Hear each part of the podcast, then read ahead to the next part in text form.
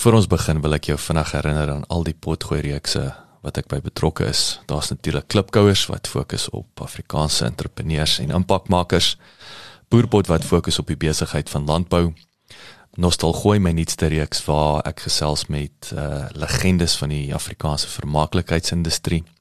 Mense soos David Kramer, Anton Goosen, Sandra Prinsloo ensovoorts.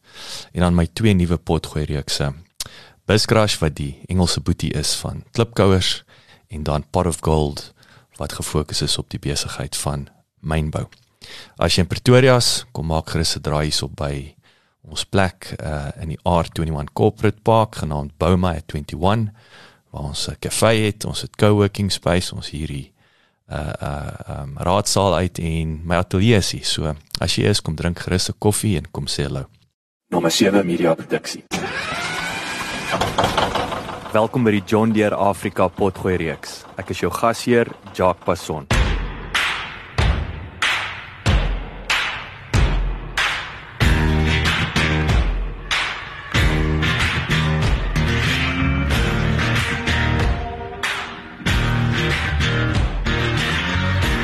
In Amerika dra landbou meer as 100 miljard dollar by tot die ekonomie boerdery ondergaan snelle vernuwing veral wat slim tegnologie betref. Tydens die onlangse Africa Agritech konferensie in Pretoria het ek die geleentheid gehad om met twee Amerikaanse John Deere afgevaardiges, uh, Twango Seavora wat oorspronklik in Zimbabwe gebore is en Nate Heinrich uh, te kon gesels oor hoe hulle die vernuwing van landbou in Afrika sien. Twango en Nate Hoewel in verskillende hoedanighede is albei nou betrokke by presisie landbou tegnologie oftewel precision agtech. Twango beëiwer om daartoe om produsente wêreldwyd te help om meer produktiewe, winsgewende en volhoubare boerderye te bedryf. En volgens Nate werk John Deere nou saam met hulle uitgebreide handelaarsnetwerk om te verseker dat hulle uitreik na klante groot en klein. Dis hier waar die konsep van ontwerp denke of terwyl design thinking inkom. En John Deere moet bepaal wat die ekonomiese en landboukundige geleenthede is wat die maatskappy vir boere moet ontsluit. So while we while you're the closest of Anga, so so would you mind introducing yourself? Um, I mean, obviously you've got some um, well roots and roots. I mean, you've got corporate roots in South Africa, Southern Africa, and of course other roots. Sure. So, uh, as mentioned, my name is uh, Siyavora. I'm originally from uh, Zimbabwe and uh, I'd spent a lot of formidable years in the uh, U.S. Uh, all of my working career to date has been with uh, John Deere. Uh, spent much of my time with our Intelligent Solutions Group, and that's the John Deere factory or unit where we actually have developed and continue to develop a lot of our precision ag technology that we are talking about today. Um, fairly recently, I also spent some time at our uh, region headquarters here in uh, Johannesburg, and our our team here supports all of sub-Saharan Africa. Uh, so during that time, worked very closely with my uh, colleagues and also with our strong network of uh, dealers on helping to. Um, propagate the adoption of precision ag across uh, African markets and make it a, a reality for farmers today. Thanks. So we're going to obviously we're deep uh, deep into precision ag. I mean, just for the I don't know the South Africans. Do you, you call it ag, Stefan? I don't think we use the term. Do we call it ag? Ach, ach. I don't think in Afrikaans it's not a nice not a nice word. Nate, please tell us a bit more about yourself and, and your background and. Uh, yeah, sure. So uh, Nate Heinrich. I've been with John Deere going on 23 years now, and current position is I'm responsible for product marketing and innovation out of our North American headquarters, uh, same place that uh, Tavonga works in Urbandale, Iowa. Um, over the years, I've spent several different, uh, had several different roles, including managing a lot of our global customer support uh, product lines, and then spent some time in marketing. But typically, my career has always been at the intersection of technology and our equipment. 2013 through 2015, had the opportunity to work out of our office in Singapore and was able to cover sub-Saharan Africa at that time. So this is probably my fourth or fifth time to, to South Africa. So it's uh, great to be back. Presisie landbou is een van die moderne landboupraktyke wat vir meer effektiewe produksie sorg. Deur middel van presisie landbou werk boere beter en nie harder nie. Dit behels die gebruik van rekenaars en satelliete om die plant, bespuiting en oesprosesse meer akkuraat en outomaties te laat geskied. Die toerusting word veral op planters aangewend omrede dit presies kan bepaal hoeveel saad per hektaar geplant word terwyl 'n GPS aan die stuur gekoppel voorkom dat oorvleeling plaasvind. By spuittoerusting maak die apparaat outomatiese verstellings aan die spoed en die hoeveelheid gespuit sodat presies die korrekte hoeveelheid chemie toegedien word terwyl by stroopers die opbrengs onmiddellik bepaal kan word. In Suid-Afrika is die graansektor onder voortdurende druk om mielies bekostigbaar teen uitvoertariewe te produseer en ten einde winsgewende produksie te bly verseker moet produsente van die nuutste tegnologie gebruik maak insluitende presisie landbou. So let's let's start with that. Um, and this is a question for you both. How does precision ag compare in different markets? I mean, you were in Germany, you were in Singapore, uh, you were in South Africa, uh, uh, Tavonga, and and of course, um, well, Sub-Sahara is not not you know that that's another ball game. It's not um, always the joke with you know my neighbor lives in Zimbabwe. Do you know him? You know the the people don't realize how big Africa is. Um, what if if you can highlight uh, maybe two or three things? What are the differences, or is there more than that? If market to market, with when we say precision ag, does it mean the same thing across border, or is it is it a completely different animal in, in each market? Yeah, I guess I'll I'll jump on that. Um, precision ag is well at the customer level, it's different to every customer.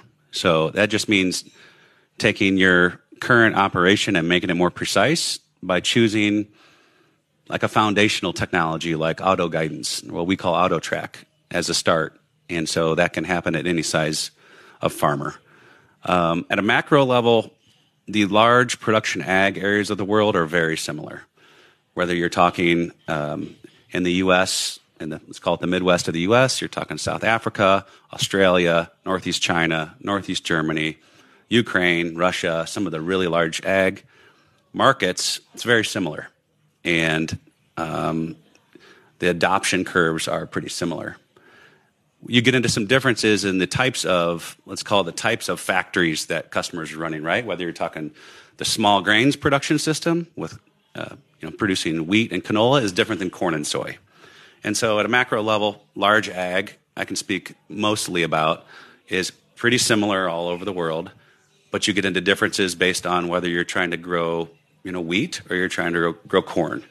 And so there are differences as you get into those different production systems. So, um, so yeah, and and there's and there's different areas of the world that push the boundaries of precision ag. Um, so where where is best practice? If, yeah. if, dare I say that? Hey, a couple of a couple of hot spots, um, in my opinion, in the world are one, of course, is Australia. Australia is really typically pushing the boundaries on precision ag and trying to do more with less and limited resources and, and harnessing technology. So um, that's a really interesting market to keep our eye on. And then in general, there's always a lot of agricultural technology and technology in general coming out of Israel. Sure. So probably what I'll also add to Nate's comments is um, as we go across multiple markets, um, many of the asks of large commercial producers are are somewhat similar and some of the challenges, especially as we're going across uh, sub-Saharan Africa, are really the environment and, and ecosystem around them. Uh, so if we if we think of many of the say the major sugarcane operations in uh, some some countries here in Africa, certainly the uh, challenges around uh, finding skilled skilled labor to actually support a lot of what they're uh, trying to execute and um, from a John Deere standpoint, staying close to uh, appreciating when they are ready for that next level of advancement within their within their operation, relative to when they might be cycling e- equipment, which might be a little bit longer than than some other established markets. You mentioned, uh, I mean, as far as the the, the adoption, uh, how long does it take? I mean, from I would say again, if you look at South Africa com- in comparison with, with Australia, I, I, I, take it the more evolved the market is, the, the faster it is. But what is fast? Yeah, that's a good question. So, what is fast? So it's 2020 now. We've been we've been in the auto guidance business for about 20 years, and that is you know a fully mature uh, business. some of the next level technologies like a section control that turns your boom or your planter on and off are kind of right there with the guidance technology. So I would say, based on our experience over the last 20 years, it's about probably a 10 year adoption cycle from the early adopters to the late majority. Um, the speed at, with which different customer sizes adopt is pretty similar. A lot of people think it's just the really large customers that buy the most advanced technology. They, they adopt technology slightly quicker than a medium sized farmer does, not exponentially larger. So that's something that we need to keep in mind. And we try to work with our dealer network to make sure that we're reaching out to all different sizes of customers because their adoption psychology is pretty similar on the whole, based on our research. But it sounds to me like good news. The fact that the smaller farmer uh, they can uh, they can adopt it quickly, but at the same time it's it's affordable. So it's not. I mean, it's not in typical business. The big boys, the small uh, business cannot afford and do what what what the big business yeah, I, let me let me let me qualify that a little bit. Um, I'll let Tavonga jump in here on terms of the, the different sizes of the customers. The medium customers I'm talking about, uh, in my terms, would still be, you know, 800 to 1,000 acres. They're, they're, they're still fairly sizable farmers. When I talk about a really large farm, I'm talking 10,000, 20,000 acres. So Tavonga might have some some opinions on, you know, the smaller uh, farm sizes and what he's seen from his experience on adoption and uh, affordability, profitability, be able to fit into their operation. Sure. So much of what I can share, just based on a couple of good conversations that I've had, is uh, with more of those medium sized operations. Um, farmers are that much more sensitive to uh, what can help to best control variables that precision ag technology can address, right? So uh, farmers have to deal with everything from um, ecosystem any inefficiencies, if, if, you're looking at supply chain and environmental factors. And in sub-Saharan Africa, uh, farmers don't have much of a safety net to actually fall fall back on.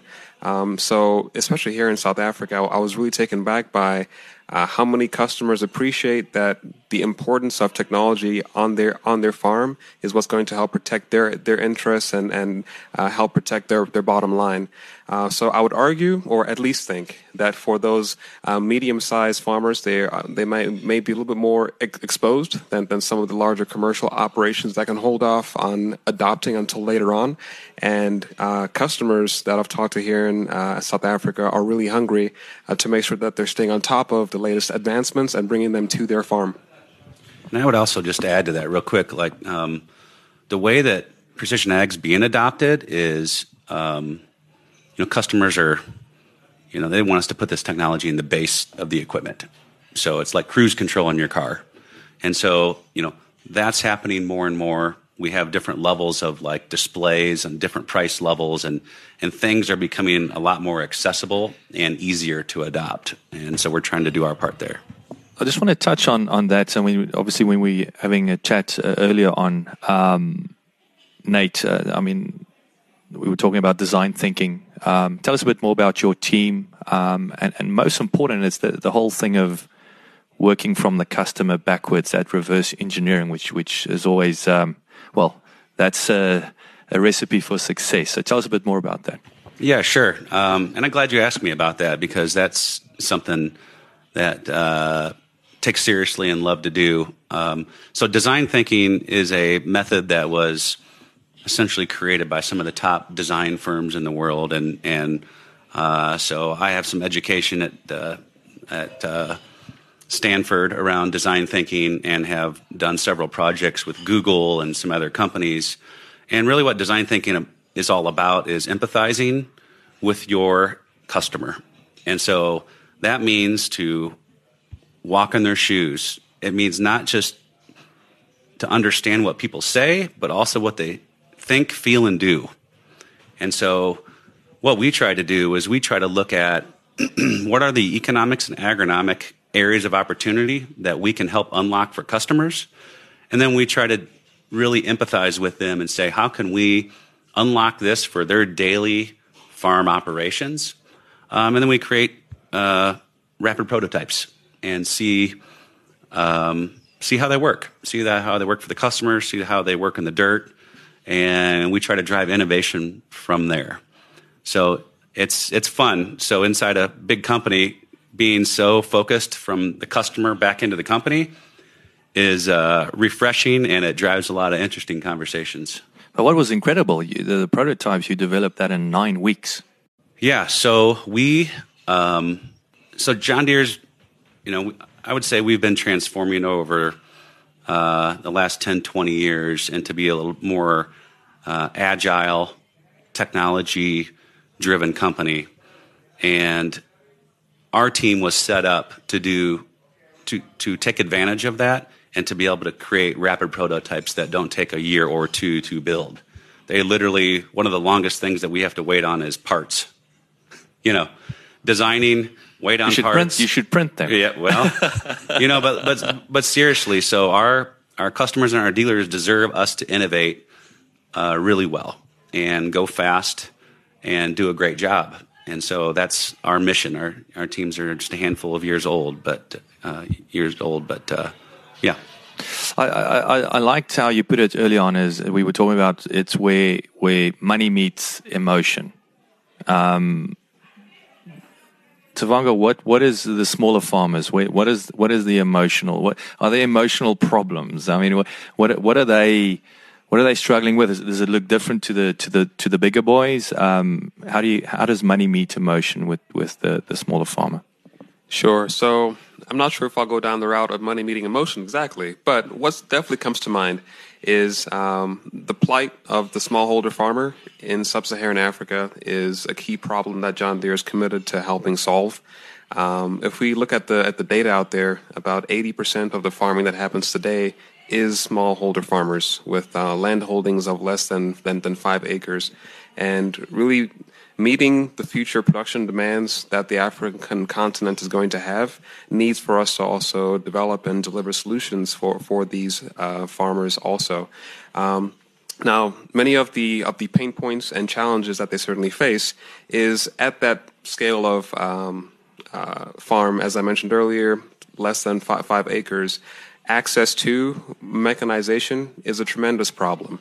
And that's why John Deere has made a keen focus through our, our SMART campaign uh, to actually bolster and build up a contractor segment that can provide mechanized services uh, to those uh, farmers in their community and for the contractors generate additional income to take care of them of their businesses and their uh, families. So at the end of the day, what we are focusing on is is making sure that we are um, addressing a lot of the pain points around driving mechanization to those smallholder farmers and at that contractor segment, both through our John Deere Financial organization and with partner banks, um, working to address some of the challenges with access to, to, to, finance, such that those contractors can actually get that equipment to, to begin um, starting their, their businesses and feeding their families. I mean, define the word contractor. I mean, a, that's an exciting term uh, in, in, in Africa, and I know there's a, is it is it e tractor? Is it there, there's examples of the, the leasing of the, the tractors and all the rest. Define contract. Sure. So ultimately, a contractor is an is an indi- individual or a um, collective that is uh, providing um, uh, rented services to their area community. Um, generally speaking, in the African context, that is going to be some level of mechanization. So whether it's coming through to actually sow, plant, or um, harvest right? So that is certainly the uh, context that I'm that I'm looking at at a contractor here on. Um, one thing to appreciate is um, a lot of our technology development that we've done in the large ag segment. John Deere is uh, actively working on scaling and adopting those technologies to the smaller segment also. Uh, so we talked at length about our AutoTrack guidance self-driving technology. Uh, we have now actually adopted that technology onto our OpenStation uh, 5000 series tractors uh, that, that are very popular across most of the of the African continent, helping to increase the effectiveness of those uh, machine passes as those um, uh, tractors are, are going through the field and also reduce operator fatigue. Um, now, for some of those uh, contracting companies out there, some of their main challenges might be finding skilled labor or, or someone that, that they're comfortable with operating their uh, tractor in the manner it's, it's supposed to be used. Uh, so, by bringing guidance, it's uh, bringing that level of automation to the actual execution of, of, the job taking place. And the other thing that we've also scaled and brought to the small uh, holder segment, which is directly benefiting uh, contractors would be the use of telematics. So by our um, enabling contractors to actually remain connected to all, all of their fleet, they're, they're able to better monitor machine locations and even address major pain points such as fuel theft and some of the other issues that uh, many contractors deal with across the continent. JD Link is 'n telematieke stelsel wat masjinerie in die veld verbind met die kantoor en slimfone. Dit stel die boer in staat om onder andere kritieke en tydige inligting oor sy masjinerie aanlyn te bestudeer, data van en na masjinerie te skuif, maklik veilig en draadloos en die nodige ondersteuning aan masjinerie en personeel te bied ten einde die onderneming aan die gang te hou. Hierdie afstandsbeheer toestel is van onskatbare waarde vir enige bestuurder wat op twee plekke tergelykertyd moet wees. Die JD Link stelsel teken outomaties masjineriewerkverrigting aan en stuur verslae deur cellulêre seine terwyl dit aan boere die buigsaamheid verleen om 'n e-pos verslag te skeduleer. Dit maak dit moontlik vir produsente met groot vlote om basiese vergelykings van masjinerieverrigting en tydsverbruik te tref met die data-uitvoer toestel. JD Link draadloose kommunikasie verseker dat die regte werknemer en masjinerie ten alle tye op die regte ligging van die plaas is. So, so when we start uh, to start talking about fuel theft as an example, so are we now more moving towards IoT? So it, it's really monitoring, you know, firsthand where this tractor is, what's happening inside the tractor, and all the rest. Certainly. So uh, that, that that IoT uh, future is what is enabled. Um, if we look at the large ag um, side of our equipment fleet.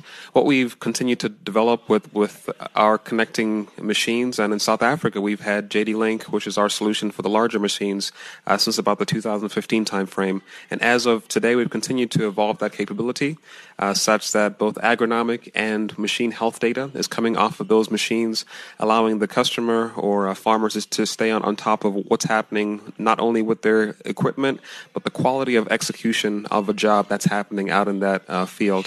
Uh, past that, we're also developing additional machine learning and tools that allow for our, our dealers to better support farmers through proactive uh, dealer support the last thing that a farmer wants to see is a natural breakdown that might um, take several hours or days out of their planting, harvest, spraying season.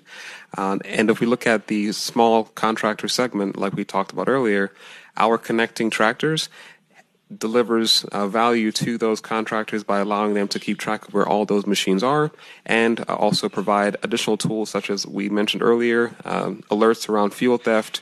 And even if the uh, uh tractor is being is being run too too hot right? So does it does that new operator know to actually shift up when he's supposed to or is he out there bur- burning fuel right? These are all critical questions that contractors care about and we're uh, through IoT able to to bring this data to help them get the most efficient operation out of their equipment and maximize utilization. That's fascinating. Um, Nate, so, so, I mean, you've got three main divisions in, in, in John Deere. I mean, do you take learnings from, for example, um, chopping down of trees, uh, uh, building of roads? I mean, is there uh, is there that cross pollination uh, in the business? Yeah, there's there's some cross pollination. Um, each of the businesses has some of their own unique specialized solutions that they're great at, frankly. And so, um, but we have this concept, you know, called integrated enterprise. And so we try to leverage as much as we possibly can with various core technologies across the different groups. And I suspect that may even pick up more with machine learning and artificial intelligence and sensors, you know, and different processing uh, capabilities in our equipment as we go forward. Early on, you you you were very excited. We see the future of of ag is bright, right? And and it's uh, explain. yeah, I'm so excited about the future of ag, and I know there's a lot of challenges right now, but one of the things that I was really excited about is that the Agritechnica farm show in Germany in November. John Deere had a really well done overall booth, and we had a future technology zone in there, what we called it, the FTZ, where we showed a lot of the um, a lot of the products that we're showing at this at this show this week. Uh, we're at the FTZ at, at Agritechnica, and you know the look on customers' faces as they came into this future technology zone and just saw that John John Deere is not letting down whatsoever in terms of innovating for the future, leveraging technologies to make our customers' jobs better, easier, smarter.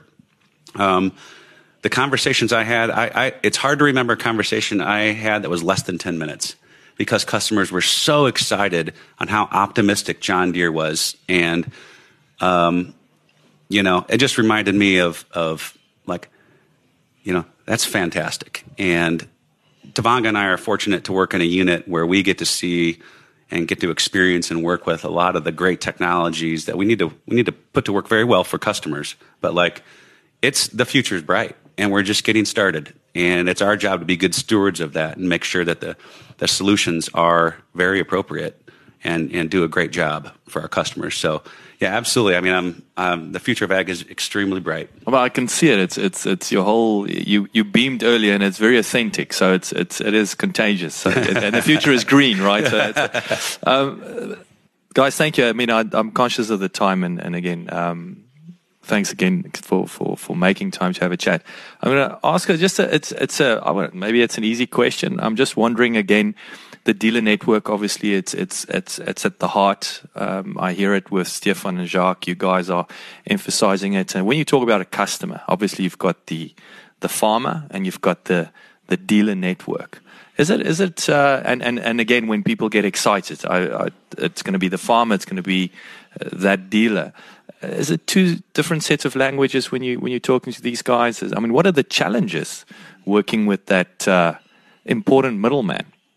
So I certainly would not consider our dealers necessarily um, middleman. There's the strong appreciation that for the majority of our of our customers out there, John Deere is their local dealer. Um, and for farmers out there, it's really about those long term relationships, right? So these are these are people that they that they trust, people that um, are really holding key decisions that will impact the uh, future and sustainability of that of that customer's farm. Um, and from my perspective, and Nate can certainly share share his, I I consider our dealers customers also right? Um, because at, at the end of the day, our our obligation and our and, and, our duty is to serve them as they are serving serving customers. Um, so that's certainly my, my my take on it. So, if if I may ask a second question to my question, um, what are the challenges of, of keeping? Is is it a different animal? Do, do you have to keep the the dealer happy in a different way to to to the farmer, or if the farmer is happy, the dealer is happy? It not that simplistic? So, fundamentally, great companies win by creating customer loyalty through a great channel, no matter what. That's why Steve Jobs created the first Apple Store right after he came out with the iPod because he wanted to control the customer experience. So we really get that that customer our dealers deliver customer loyalty, and one of the key ways they do that is I mean, yesterday, today, tomorrow, parts and service backup. we can talk about all these high tech machines and everything coming out, but if the we parts, don't, the parts, the parts, the if parts. we don't have parts, and the parts make it a little bit more sophisticated with sensors and stuff. But I'm serious. We that that is our, uh, you know, the dealers make it happen for us uh, in the market. So, yeah, we have. Um, the way that we develop our solutions and systems for dealers is different from customers because a lot of the things we think about with, from our dealers is how do we not load them up with a bunch of administrative work trying to manage all the technology and the customer accounts et cetera? How do we make it easy for them to explain to customers why this techno- how, how this technology can help them on their farm? Like that's our job with our dealers is to really empower them and enable them with easy to use tools and things we don't always do that perfectly, and we, you know, we, but we work really hard to try to make their lives easier, and so they can do their primary job, which is creating customer loyalty. And so that is different than the way that we uh, work with customers. Uh, we've talked at, at, at, length about how we focus on customers, but the dealer uh, part is uh, absolutely essential, and we, we try to reach our customers through our dealers and, and make their job as easy as we can. I think it's uh, Tavonga. What I took away from your point, it's it's seamless, right? Yep. No, it's uh, certainly seamless and uh, kind of building on Nate's Nate, Nate's comments. It's it's it's really appreciating that uh, funnel of you know uh, John Deere continuing to develop and try and address these solutions and that and that two-way conversation that's always happening between Deere and the and the actual dealer um, many times prior to products even getting to to customers we, we are actively getting input and feedback from dealer to better understand what those customer needs are um, and then as those customers are in, interacting and using that product for the for the first time their two-way conversation is is, is with their uh, dealer right so that's uh, certainly a key component of um, what delivers ongoing value for John Deere customers. Last question, easy question. Um, it's been a few years since you've both been back to South Africa. What do you look forward to most other than looking at the John Deere stand uh, at the show? Uh, food and drink wise, what have you missed? Food and drink wise. Um, so, one, I'll adjust your question a little bit because certainly what I've missed the, the most is just the um, social aspect of what it what it means to be South African and all the socializing that happens around food and food and drink. I've not been to a to a braai in a long time. Uh, so uh, wasn't able to, to, to make it happen this uh, trip, but uh, as as far as dishes that I certainly enjoyed upon my return, it was uh, oxtail and some uh, lamb. Oh my goodness, good one, Nate. So I don't have as much experience as Tavonga, but I'll I'll say South African wine and uh, the tail, uh, oxtail, lamb tail. Uh, I uh, hadn't uh, eaten much, uh, you know, like oxtail before, but it's uh, f- absolutely fantastic. But I just, I really enjoy uh, coming here. The people that we get to work with, with the the branch here in South Africa, as well as uh, the dealers. The dealers we have incredible dealers here that have, you know, multifaceted businesses that are uh, just w- really well run. So um, I kind of consider a little bit my a little bit similar to my some of my comments about Australia earlier. Um, there's some great agriculture business going on here, and so I learn something every time I come to South Africa. That's uh, I think it's music to all South Africans. Yes, guys, thanks so much for your time. It's great to to have you, and uh, enjoy the rest of your your stay, and and uh, hope it's a very successful uh, exhibition. Very good, Jacques. Thank you very much for the time, and enjoy the conversation. Thanks a lot.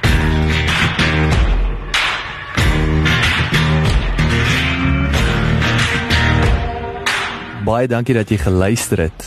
Onthou jy kan die John Deere podcast reeks kry op Apple Podcasts of Google Podcasts, Spotify of SoundCloud. As jy gehou het van hierdie episode en die reeks, asseblief deel dit met jou vriende en familie en uh, ons sien uit om altyd van jou te hoor. So enige terugvoer sal ons op reg waardeer. Laat die wiele rol.